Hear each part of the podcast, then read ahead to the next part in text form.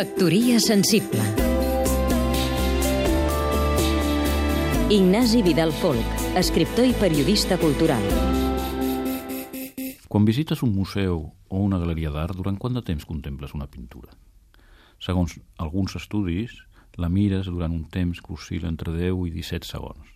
És clar que al museu hi ha moltes obres d'art i no pots passar-te allà la vida. I sovint passa, malauradament, que tornes a casa i al cap d'una estoneta te n'adones que totes aquestes imatges contemplades tan breu i successivament amb prou feines han deixat empremta en la teva memòria. El Museu del Louvre calcula que els visitants s'aturen davant la Mona Lisa durant una mitjana de 15 segons. I parlem del quadre més cèlebre de la història. Què es pot veure en 15 segons?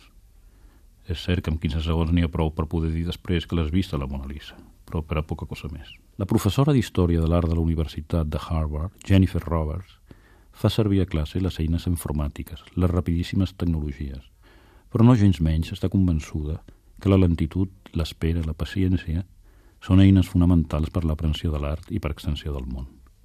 Segons s'explica en l'últim número de la revista de la universitat, Roberts ensenya als seus alumnes la paciència. Els obliga a observar durant 3 hores l'obra d'art sobre la qual després han d'escriure un treball. Ells protesten, diuen que passar 3 hores mirant un sol quadre és massa, però aviat van comprovant que l'observació pacient i perllongada revela coses inesperades.